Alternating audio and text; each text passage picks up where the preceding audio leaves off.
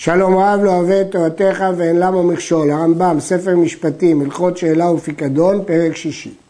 שומר חינם שאמר, הריני משלם ואיני נשבע. הוא היה חייב שבועה, הוא לא רוצה להישבע, הוא מציע לשלם. אם היה הפיקדון דבר שכל מינו שווה ומצוי בשוק לקנות כמותו, כל אחד יכול להשיג את זה בקלות, אז אין חשש שהשומר נתן עיניו בפיקדון. כגון פירות או היות של צמר ופשתן השוות בכל עניינם, או קורות המציאות, כל כיוצא בזה. הרי זה משלם ואינו נשבע, הרי הוא מתנדב לשלם. ואין חשש שהוא חמד את הפיקדון, כי באותו כסף הוא יכול לקנות סוג כזה בכל חנות. אבל אם היה הפיקדון בהמה, או בגד מצויר, או כלי מתוקן, או דבר שאינו רוצה לקנות כמותו בשווה, חוששים שמא אינם נתן בו, הוא מוכן לשלם כדי לקחת את החפץ. ומשביעים אותו בתקנת חכמים שבועה בנקיטת חפץ שאינו ברשותו ואחר כך משלם. אז החידוש של הרמב"ם, שכל הדין שמופיע בגמרא שהוא צריך להישבע שאינה ברשותו, הוא רק בדברים כאלה שאני חושד שהוא חומד אותם. והוא הדין לשאר השואלים, כגון השואל שאמר מתה או נגנבה, הוא יודע שהוא צריך לשלם. ושומר שכר או סוחר שאמרו נגנבה או עבדה, הוא יודע שהוא צריך לשלם, אף על פי שהם חייבים לשלם. משביעים אותם שואה שאינם ברשותם, אולי בכוונה הם אמרו את זה כדי להשיג את הפיקדון. ואחר כך משלמים מהבהמה האוכלת, שאנו חוששים לו שמא אינם נתן. ואם אמרו הבעלים יתר על זה היה שווה, כולל בשבועתו שאינו שווה אלא כך וכך.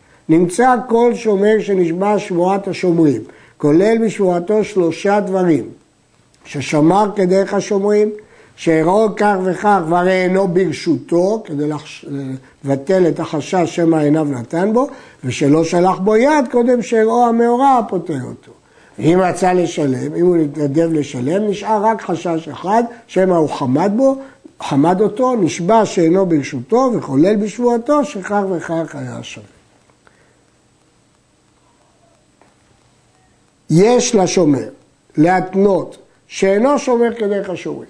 כשהוא קיבל את הפיקדון, הוא אומר, אני לא מקבל עליו את החיובים שהתורה חייבה שומר כמוני.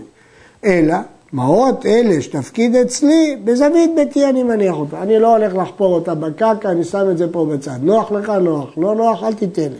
וכיוצא בזה. טען, הש... טען השומר שתנאי היה בינינו. הוא אומר, ככה סיכמנו. הוא בא לפיקדון, אומר, לא היה שם תנאי, זה היה פיקדון רגיל. אף על פי שהפקיד אצלו בעדים, אבל העדים לא יודעים על התנאי.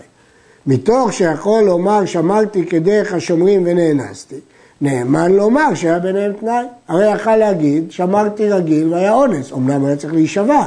אז הוא נאמן שהיה תנאי, לפיכך להישבע, שלא שלח בו יד, שלא ברשותו, שהיה ביניהם תנאי, כיוון שגם אם האומר נאנסו היה צריך להישבע. אז גם עכשיו הוא יישבע. הרב שואל על הרמב"ם, הרי יש עדים, אז העדים יודעים אם היה תנאי או לא היה תנאי, ואם הם לא ראו את התנאי, אז סימן שלא היה תנאי.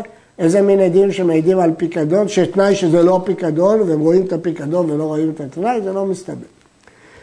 המגיד משנה מקשה, כאן נאמן השומר לטעון שהיה תנאי רק בשבועה, בגלל המיגו שנאנסו. אבל בהלכות שכירות הרמב"ם אומר ששומר שטוען שהוא כלל לא קיבל שמירה נאמן בלא שבועה, במיגו שהוא החזיר. אז למה פה הוא לא נאמן? התשובה היא כי שם הוא בכלל לא קיבל עליו שמירה, אבל פה הוא קיבל עליו חובת שמירה, רק שהתנה שלא ישמור כדי חשובים, לכן נשארה עליו שבועה דאורייתא, ותוך כדי זה מגלגלים עליו. ולמה הוא לא נאמן במיגו של החזרתי? מכיוון ששיטת הרמב"ם שמיגו להפטורי בשבועה לא אמרינן. שומר חינם שהביא ראייה שלא פשע, פטור משבועה. אם יש ראייה, לא צריך להישבע. ואין אומרים שמא שלח בו יד קודם שעבד. ולכאורה, הרי רק אם הוא יישבע שלא פשע, אז מגלגלים שלא שלח בו יד. אבל פה הוא לא נשבע, הוא יש לו ראייה, אז אי אפשר לגלגל עליו שלא שלח בו יד. התשובה, הנה חינם, לא צריך לגלגל. כי ברגע שיש ראייה שהוא לא פשע, אין שבועה ששלח בו יד. בעל הפיקדון שהביא ראייה שפשע השומר, או הביא ראייה מפורשת שהשומר פשע, משלם, לא שייך פה שבועה. ואם טען ואמר תנאי היה בינינו, היה בינינו איזשהו תנאי, אינו נאמן, יש עדים שפשע. הרי כל הסיבה בהלכה הקודמת שאמרנו שנאמן שהיה תנאי, בגלל שהוא יכל להגיד נאנסו. אז הוא כבר היה נשבע, לכן הוא נאמן גם פה בשבועה. אבל פה הוא לא יכל להגיד שום דבר, הרי יש עדים שפשע, אז מה פתאום שהוא יהיה נאמן שיש תנאי?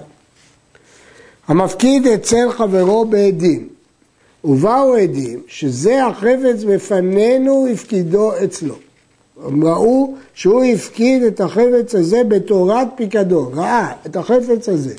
אין השומר יכול לטעון, נכון, הוא הפקיד, חזרתי ולקחתי ממנו, נתנו לי מתנה. הוא אומר, נכון, הוא הפקיד אצלי את החפץ הזה, אבל אחרי זמן קניתי את זה ממנו.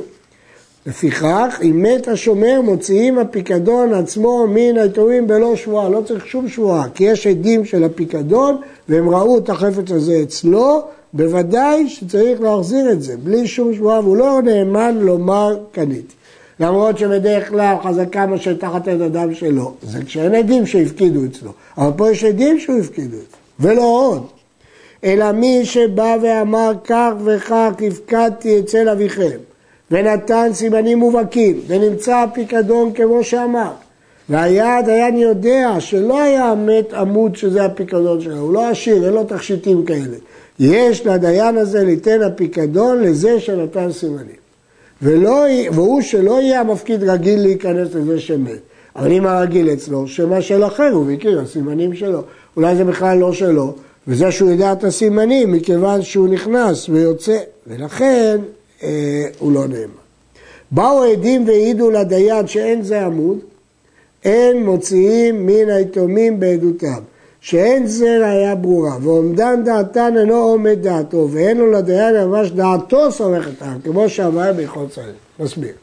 אמרנו שכדי להוציא מהיורשים צריך שיהיה עומד דעתו של הדיין, שלא ייתכן שזה של האבא. אבל לא שייך שהעדים יעידו שזה לא עומד דעתו. כי יש שני דינים, יש עומד דעת זה של הדיינים, ויש עדות, זה של העדים. עדים תפקידם להעיד, לא תפקידם לתת הערכות. ולכן כשהעדים פה נותנים הערכה במקום הדיין, הם לא יכולים, הם לא מתפקדים בתור עדים. הדיין יכול לאמוד ולא העדים.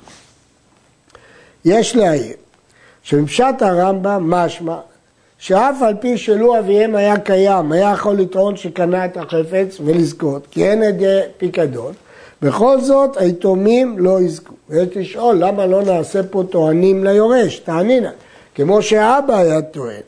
אומר התוספות שלא טוענים ליתומים טענות לא שכיחות, כיוון שאבא לא היה עשיר, לא הגיוני שהוא קנה מרגליות כאלה. יש ראשונים אחרים שמפרשים את הסוגיה שהיא מקור הרמב"ם, כשיש לתובע עדי הפקדה. ואז אפשר לצרף את הסימנים, אבל לא בלי עדי הפקדה.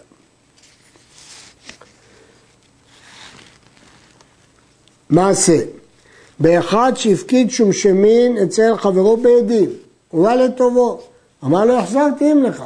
אבל המפקיד הלוקח וכך מידתם, והרי הם מונחים אצלך בחבית. הוא נתן סימן מובהק והוא הצביע לו איפה הם נמצאים. אמר לו, שלך החזרתי לך, ואלו אחרים הם. אמרו חכמים, אין מוציאים מידו, שמא אלו שמשונים של שומרת. נכון, הטענה שלו היא טענה חזקה, אולי יש לו שמשונים מקבילים, אלא יישבע השומר בנקיטת חפץ שהחזיר כמו שבעם. העבד שואל פה, למה השומר צריך להישבע פה בנקיטת חפץ? הרי יש פה דין רגיל שהמוציא מחברו עליו הראייה, התובע טוען שהוא הפקיד אצל חברו והשומר טוען שהוא כבר החזיר, אז מדוע לא מספיקה שבועת הסת ולהיפטר? אומר האור שמח כי הטענה של השומר פה לא כל כך אמינה. כי אנחנו רואים שיש פה בדיוק חבית של שמשמין שדומה לחבית שהפקיד התובע אצלו לכן הוא נאמן שהחזיר במיגו שנאנסו, ולכן צריך פה שבועה. בעל הפיקדון, שטבע פיקדונו ונתן לו השומר. אמר המפקיד, אין זה פיקדוני, אלא אחר, לא החזרת לי את שלי. או שלם היה ואתה שברתו, או חדש היה ואתה השתמשת בו. מאה שעין הפקדתי אצלך, ואין אלו החמישים. בעל הבית אומר, זהו שהפקדת בעצמו, מה שנתת, אתה נותן. הרי השומר נשבע הסד כשאר כל הנתבעים. הוא בכלל לא נשבע שבועת השומרים, אלא רק שבועת הסד. המוציא מחברו עליו הראייה. למה? למה לא נשבע שבועת השומרים? מסביר הרמב"ם, שאין כל שומר נשבע שבועת השומרים האמורה בתורה, אלא בזמן שמודה בעצמו של פיקדון. כמו שהמפקיד אומר, וטוען שנגנב או מת או נשבע, כללו של דבר טוען לפטור עצמו מן התשלומים. זה הטענה ששומרים שהתורה חייבה שבועה. אבל אם אמר זהו ששלטני שהזכרת לי שנתתי שכר על שמיעתו ובעלים אומרים אינו זה אלא אחר או נשתנה מכמות שהיה הסוחר נשבע הסת גם מוציא לחברו עליו הראיה או שבועת התורה היא מודה במקצת אם זה מקרה של מודה במקצת אז זו שבועה רגילה של טוען וניתן בקיצור זה דין טוען וניתן רגיל ולא דין שבועת השומרים כיצד? מהסיעה הפקדתי אצלך והשומר אומר לא הפקדתי אצלי אלא חמישים בדיני טוען ונטען, זה מודה במקצת.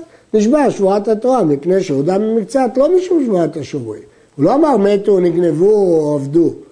מאה קור של חיטים הפקדתי אצלך, לא הפקדת אצל המאה קור של שעורים, טענו חיטים והודה שעורים, בדיני טוען ונטען, אין שבועת הודה במקצת. לכן נשבע הסת, כי שאר כל הנשבעים בטענה כזו עד